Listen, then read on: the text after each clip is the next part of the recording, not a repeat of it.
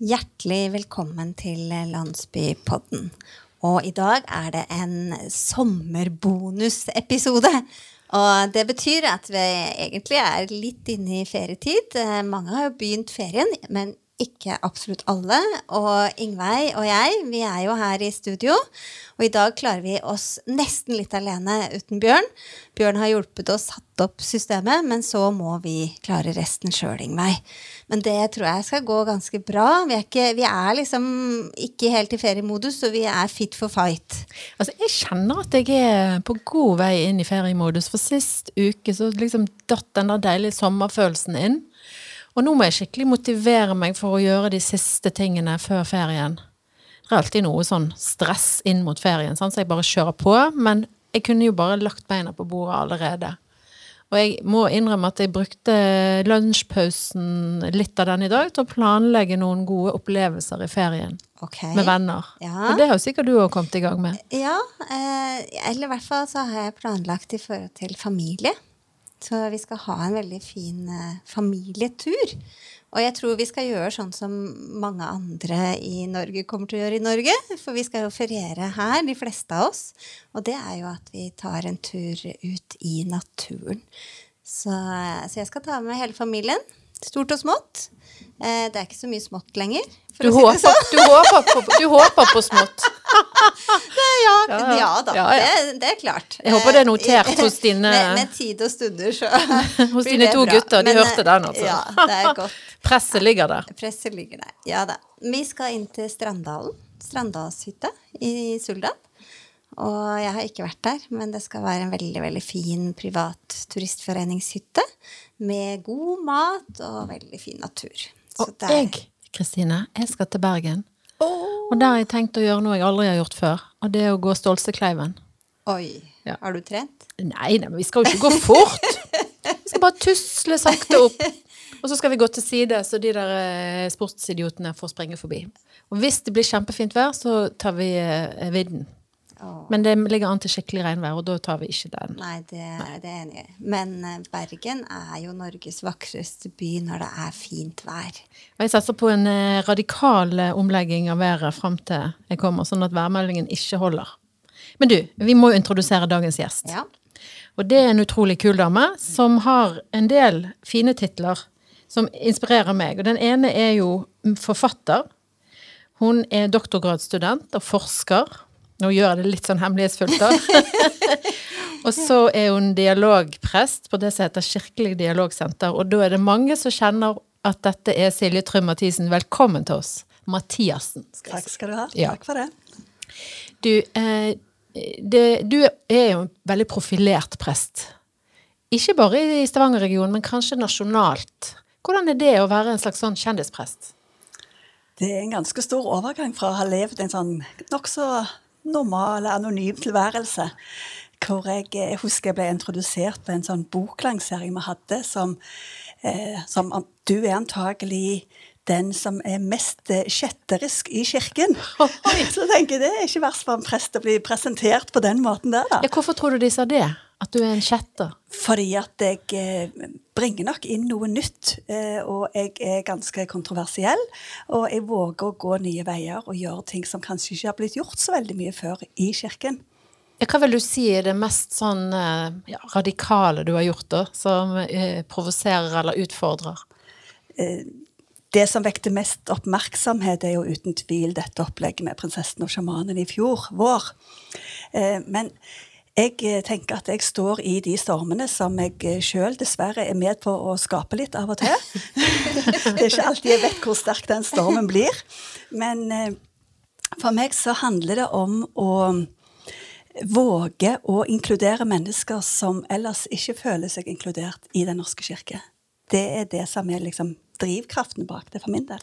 Jeg tror veldig mange, Silje, opplever deg som et skikkelig friskt pust eh, inn, inn i eh, ja, hele kristendommen, for å si det sånn. Og um, det er i hvert fall sånn jeg opplevde deg. Vi var, jeg møtte deg når du var, eh, du var vikar, sogneprest, i Grødem kirke. Det var i Var det 2013? 2013, ja. 2013, ja. Et halvt års tid. Og det var liksom Du kom inn med noe helt nytt. Bl.a. Blant annet dette med meditasjon, som vi hadde i kirken på kvelden. Og, og det var en stor opplevelse, og det er jo ingen tvil om at du bringer med mye nytt og, og ting som mange trenger. Um, I hvert fall så, så satte jeg veldig, veldig stor pris på den perioden.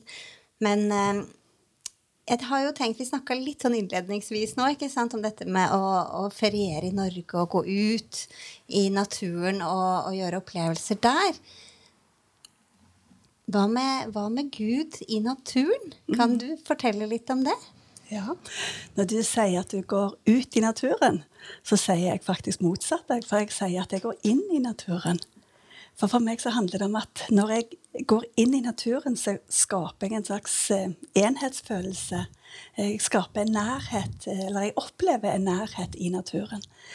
Og mm, naturopplevelser er for meg eh, tilnærma guddommelige opplevelser. Eh, fordi det handler om at det er Guds skaperverk vi går inn i, eh, og blir en del av når vi lever tett i naturen. Jeg gjør det jo sånn at jeg går jo veldig ofte barbeint. Jeg gjør det både i kirke, det er jo òg Ja, ting som har vært litt oppmerksomme. men, eh, men eh, at jeg òg elsker å gå barbeint ute i naturen. For for meg så handler det noe om at den grunnen jeg går på, er hellig grunn. Og det står noe i Bibelen om det, at da skal vi ta av oss skoene. Eh, og for meg så handler det om å kysse jorden med føttene mine. For jeg er såpass sanselig i min åndelighet at jeg kaller det for det. Å kysse jorden med føttene når jeg går. Syns du at vi er flinke nok til å på en måte ta inn den åndeligheten som er i naturen? Jeg tenker at vi kan bli enda flinkere. Nå har vi jo et vær, i, eller klima da, i Norge som kanskje ikke alltid tilsier at vi kan gå så, vær så, leve så tett i naturen, som er lettere i andre klima. Men eh, jeg tror vi trenger det, for vi lever så digitalisert, og vi lever med så mye skjermer at vi, vi trenger å ha I hvert fall jeg trenger å ha jord under neglene og kjenne jorden under føttene og høre lydene i naturen. Det er et eh, Det er viktigere enn vitaminer, tenker jeg på en måte. Men jeg har jo tenkt litt på det med koronatiden som har, har, har vært rundt oss ganske lenge nå. Har jo på en måte fått oss litt mer inn i naturen, da. Jeg ser iallfall sjøl at eh, fuglelivet har kommet tettere på. sant? De er mer nær oss. Hva, hva merker du av de tingene? Jeg sov ute her i natt for et par Det var når vi hadde tropenatt for ikke så lenge siden. Og det å sove sånn ute under åpen himmel, høre fuglene, og så hører du etter hvert hvordan de stilner. Og så i femtiden så begynner de igjen. Og så var det et fugleliv uten like. Og jeg bare kjenner at dette er ting som vi så sjelden opplever. At jeg tenker la oss bruke sommeren til å ta inn sånne opplevelser. Har du en, et, et sted eller noen steder i naturen som, som du regner for mer hellige enn andre steder? Jeg tenker at det, det finnes ingen steder hvor Gud ikke er. Så for meg så er egentlig alt eh, like hellig. Men jeg har jo noen sånne favorittsteder, da. Ja. Eh, et av de er Solastranden. Det er noe med sanden og havet og himmelen der når det går i ett der. En annen er eh, ute på Utstein kloster, hvor vi har eh, pilegrimsgården, f.eks. Et sted som innbyr til stillhet og refleksjon og ettertanke. Med de vakreste naturomgivelsene. Handler, vi kaller det gjerne for thin places. Altså tynne steder der hvor hinnen eller avstanden mellom Gud og mennesker er tynnere. At det er noen steder det er lettere å komme i kontakt med det guddommelige. Hvordan merker du det, at du er på et sånt sted? Det er en handler om å merke et Guds nærvær i naturen. Eh, og det, det kan, som sagt, jeg tror at Gud er absolutt overalt. Gud er òg overalt.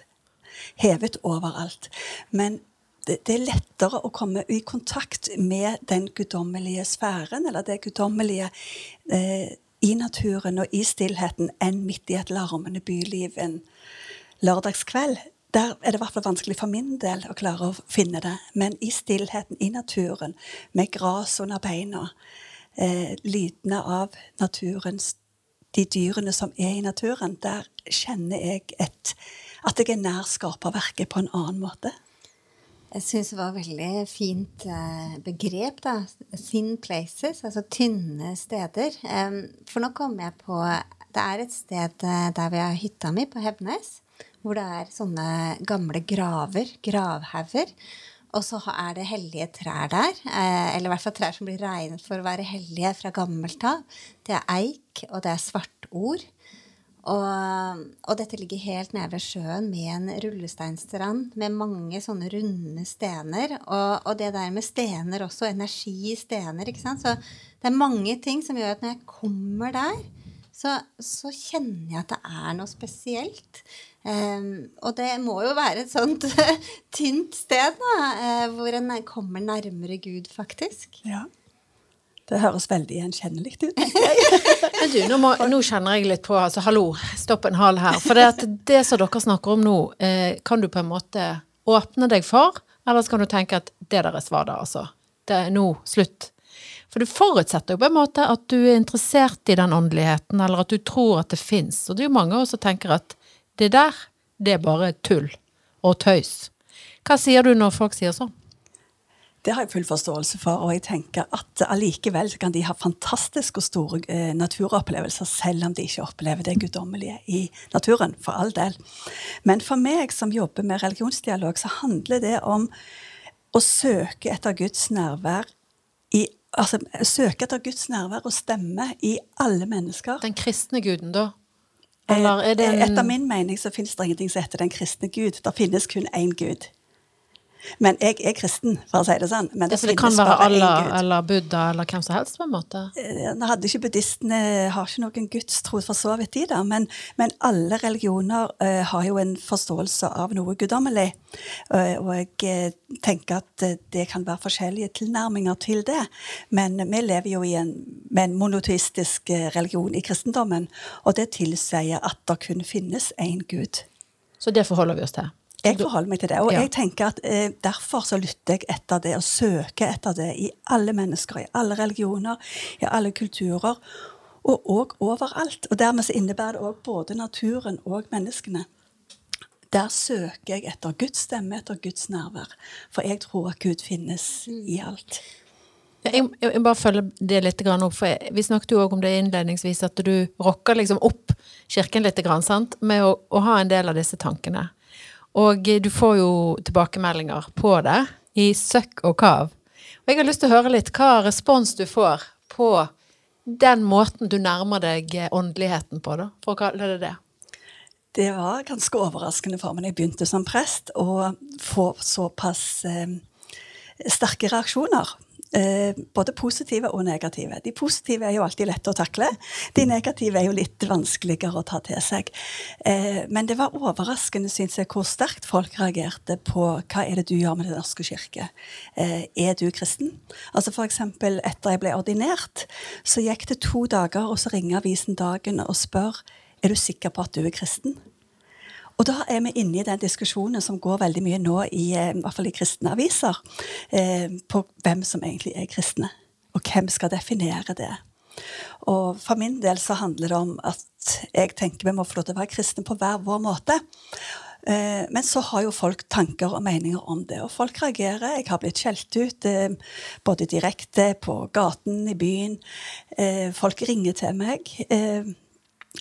Og noe av det kan jeg forstå, og noe syns jeg er helt urimelig.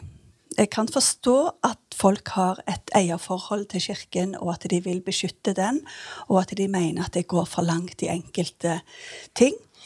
Eh, samtidig så ser jeg at når jeg får lov til å gjøre de tingene som kan virke kontroversielle, så kommer det folk til kirken som ellers ikke hadde vært i Den norske kirke. Men det kan jo hende du skyver noen vekk òg? Det er det jeg kan. Og det er der sårheten ligger, og det er der følsomheten og varheten ligger, hvor jeg må prøve å balansere det. Eh, men jeg tror at vi i så lang grad har verna om menighetene, om hvem det er som eier Kirken hvem det er som eier dette rommet som Kirken representerer. Eh, og jeg tror det er på tide, for vi lever i et mangfoldssamfunn, og vi er nødt til å forholde oss til det. Det er en realitet som vi bare må forholde oss til. Og da er spørsmålet hvordan skal vi forholde oss til det? Skal vi stenge de andre ute, eller skal vi invitere de inn? Min tanke er at vi skal invitere hverandre inn i ulike religiøse sammenheng. Ja, og um, det med det du skal forske på, da, det går jo på det med religiøse erfaringer. Og at mennesker er jo så forskjellige, og vi har så mange forskjellige erfaringer. Um, kan ikke du også si litt om det? Fordi jeg tror du har helt rett at den måten du tenker og jobber på, så er du mer inkluderende. Og jeg tror det er flere som du bringer til kirken enn du støter fra kirken. Og da må vi skyte inn at du skal i gang med et doktorarbeid på Universitetet i Stavanger. Og holde på med det i tre år. Ja. Så nå venter vi på hva du skal forske på. Jeg skal forske på dette med religiøse erfaringer. Fordi at jeg eh, har møtt så mange mennesker som forteller om hvor viktig det er i deres liv. Og at Kirken i varierende grad har klart å romme disse historiene. Eh, hvor det ofte har blitt avvist som eh, tull og tøys og fantasier og dagdrømmeri og sånne ting. Og så tenker jeg det er viktig at vi tar menneskers religiøse erfaringer på alvor.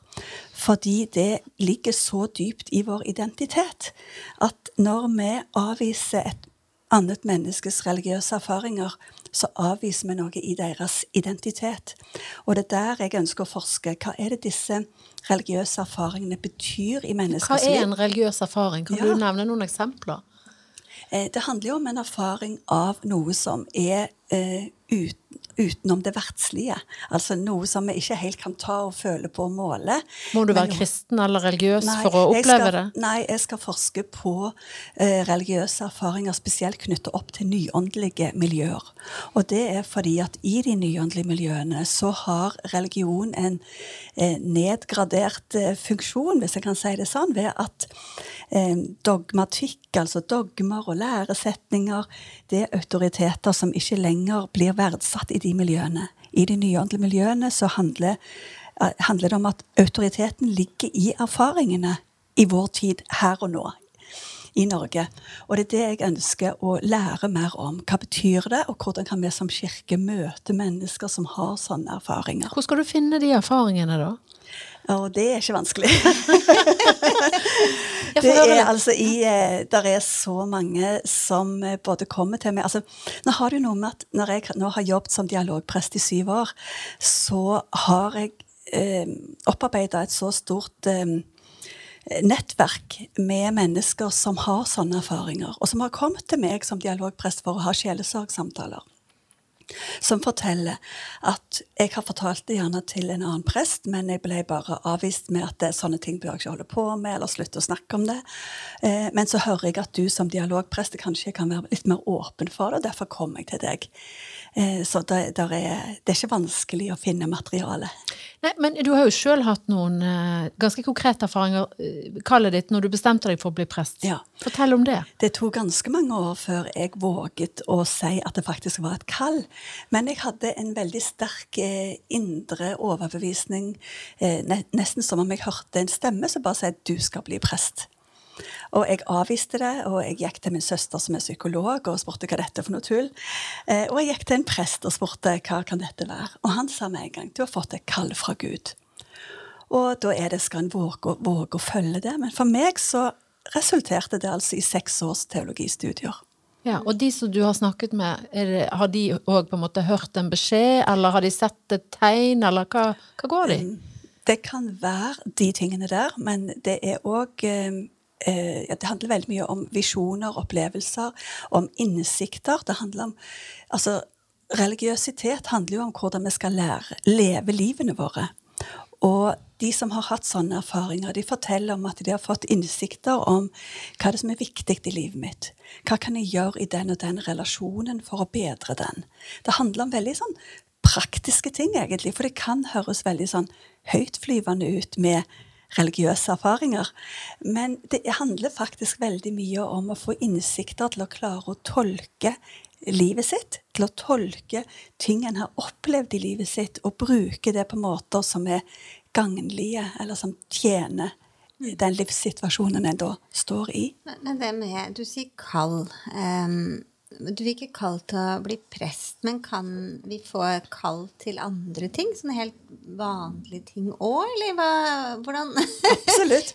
Altså, ja, hva er dette kallet for noe, egentlig? Ja, altså Luther sier jo at ethvert et hvert yrke egentlig er det man er kalt til. Så presteyrket er ikke noe spesielt i forhold til andre yrker. Og at en eh, ethvert et hvert menneskes valg egentlig er det. Så det handler jo òg om en slags eh, bevissthet, og at valget en tar, og så velger en å følge det. Eh, og, og det er det for min del. Men for meg så var det veldig uvant å kunne si at jeg har fått et kall til å bli prest. Men det ble en stor forandring. Hva sa folk rundt deg, da? Familie og sånn? Ble de litt overrasket, de òg, eller? Altså, jeg tror Mange folk rundt meg sa at det, de syntes ikke det var så overraskende. For jeg har alltid vært en person som har grublet over livet og reflektert mye. Eh, mannen min bare sa du er jo helt gal, men jeg elsker deg, og jeg skal støtte deg. Ja. så så det, jeg fikk god støtte og gode reaksjoner rundt det, egentlig, så det var ikke noe problem. Men det var noen perioder når jeg studerte hebraisk og jeg bare tenkte dette gidder jeg ikke. Ja, ja, det er jo et tungt studie. Det er et tungt ja. studie. Men du, jeg tenker også på det der eh, altså Nå snakker du om at folk er åpne for religiøse opplevelser eller åndelige opplevelser, da, men det er jo en haug av folk som går veldig godt gjennom livet uten dette behovet, eller uten denne sansen. Mm. Hva sier du til de? Jeg tror at vi har så mange forskjellige veier å gå her i livet, sånn at vi har hver våre eh, retninger vi skal ta. Det, det var liksom sånn eh, Altså, alle har sin vei å gå, og det er ikke alltid at alle andre folk kan forstå den veien vi skal gå. Fordi at de har faktisk en annen vei å gå i livet. Og det er helt greit, tenker jeg. Så det slapper du helt av med? Ja, jeg tenker at vi skal ikke prøve å påtvinge noen ting. For jeg er òg veldig opptatt av at, eh, at religiøse erfaringer ikke skal bli et krav for, for at vi skal kunne kalle seg for åndelige, eller være spirituelt eh, opptatt av, av det åndelige. Fordi at eh, det er veldig mange som jeg kjenner, som har lever gode kristne liv, men som aldri har hatt en religiøs erfaring. Eh, så jeg tenker at det er ingen forutsetning, og det er ikke noe krav. Men det handler òg om å åpne opp for at noen faktisk har disse opplevelsene. Og det er de jeg vil at vi skal møte på bedre måter. For det religionsdialog som jeg jobber med, det handler jo om at vi ikke nødvendigvis skal være enige. Vi trenger ikke å mene og synes det samme. Men religionsdialog handler om å forsøke å forstå mer av andre mennesker. Forstå mer av hva er viktig i ditt liv, og hvorfor er det viktig. Og hvordan kan jeg møte det, selv om dette er helt ukjent for meg, og kanskje det er helt fremmed for meg. Men for meg så handler det om at vi skal åpne og romme litt mer i hverdagen. Og grunnen er at det beriker livene våre. Jeg tenker det krydrer livet. Når jeg møter mennesker som tror noe helt annet enn meg, så kan jeg først tenke i all verden, hvordan kan de, hvordan kan de tro på noe sånt? Og så lar jeg det gå litt tid, og så møter jeg mennesker, så blir jeg kjent med mennesker, og så ser jeg Men dette er jo vakkert. Og så kan jeg, eller jeg kan ende opp med å si dette er problematisk. For religionsdialog handler ikke bare om dette harmoniserende og det som vi skal være enige om. Det handler like mye om å våge å gå inn i de vanskelige spørsmålene. Hva er det som er vanskelig? Hva er problematisk med din tro? Men hvis vi skal klare å gå inn i det problematiske, så må vi òg evne å lete etter det vakre i et annet menneskes tro. For ellers så blir det bare konfrontasjoner mot hverandre. Så for meg så handler det om å gå de skrittene sammen med mennesker av ulik tro. Hvor vi ikke alltid forstår hverandre, men vi kan kanskje lære å forstå hverandre litt mer. Og så lurer jeg på det eh, Hva du tenker om kirkebygget, da? Sant? For du dytter litt i de veggene hvis du ser for deg at du sitter i en hvit, gammel kirke, som vi har f.eks. her i Randaberg, da. Eh, og så er du ofte i domkirken, og så tenker jeg sånn eh, Silje Trym Mathisen, hva slags kirke ville hun ha bygget seg, sant? Altså sånn, Hva er din drøm for et kirkebygg mm. når du snakker om, om disse åndelige opplevelsene som du skisserer her? Altså, En kirke kan se ut hvordan han vil, bare han har eh, åpne dører, lave terskler Men eh, kirkebyggene de er jo en arena for åndelig opplevelse for veldig mange som ikke er så nært knytta til, eh, til liksom religion og, og, kirken, egentlig. For eh, det er jo når man reiser rundt da, i verden, som ikke vi får reist så mye nå da, i sommer, så, så ser en jo at uh, turistene vil jo inn i disse katedralene, inn i kirkebyggene. De trekker trekker jo mennesker til seg. Så det er jo noe med kirkebyggene ja. som, som, gjør de kjempeåndelige likevel, da, selv om de er firkanta, kanskje en del av de, og, og, og, og, litt trange på mange måter. Det er jo spektakulære bygg òg mange steder, da, så det er jo ikke ja, bare sånn Nei, men det er jo ikke det. Jeg tror ikke bare det er det folk er ute etter. Det er akkurat som det sitter noe i veggene, i søylene. Altså det er århundrer med tradisjoner. Mennesker som har gått der med all sin sorg med alle sin dypeste glede og dypeste smerte, mm. de møtes i kirkerommet. Ja. Og vi ser det jo òg når, når, det eh, oppstår katastrofer i samfunnet, hvordan folk trekker til kirkene. Vi så det jo nå i koronakrisen nå i vår, når kirkene ble stengt. Og vi måtte på nett på en annen måte med kirken. Vi måtte skape nye rom hvor vi kan møte mennesker. Og vi så jo den enorme um, økningen dette hadde. Det, er, det, gjør noe med oss mennesker når vi opplever at liksom, livet slår beina under oss. Så trenger vi noe som holder. Og det mener jeg Der har Kirken en helt sånn spesiell stilling, en, helt, en tradisjon. En sånn. Jeg hadde konfirmanter f.eks. i St. Petri kirke. Hvor jeg sa til dem eh, ta av dere skoene. Og så legger vi oss ned på gulvet her midt i midtgangen. Og så stryker vi med hendene. -hmm. Og så sier jeg kjenn, kjenn på dette slitte gulvet. 100 år gammel kirke, mer enn 100 år gammel kirke. Og bare kjenn og tenk på hvem som har gått her. Og jeg gjør det faktisk sjøl når jeg skal Eller nå er jo domkirken stengt, men før, når jeg var der eh, Når jeg går opp prekestolen i domkirken, så er trappetrinnene de er så slitte på midten at det er sånn at jeg tenker bærer de meg? Men der legger jeg hånden hver gang jeg går opp. Så legger jeg hånden og stryker over og sender en, en takk på en måte. Det er den tradisjonen jeg får lov til å være en del av. Og jeg kjenner på det. Hva har de prestene i århundrer tenkt når de har gått opp her? Og hva skal jeg formidle til dagens kristne mennesker? Tusen takk, Silje, for at du kom til eh, Landsbypodden. Vi må runde av, for klokken går. Men vi skal jo over til de faste postene.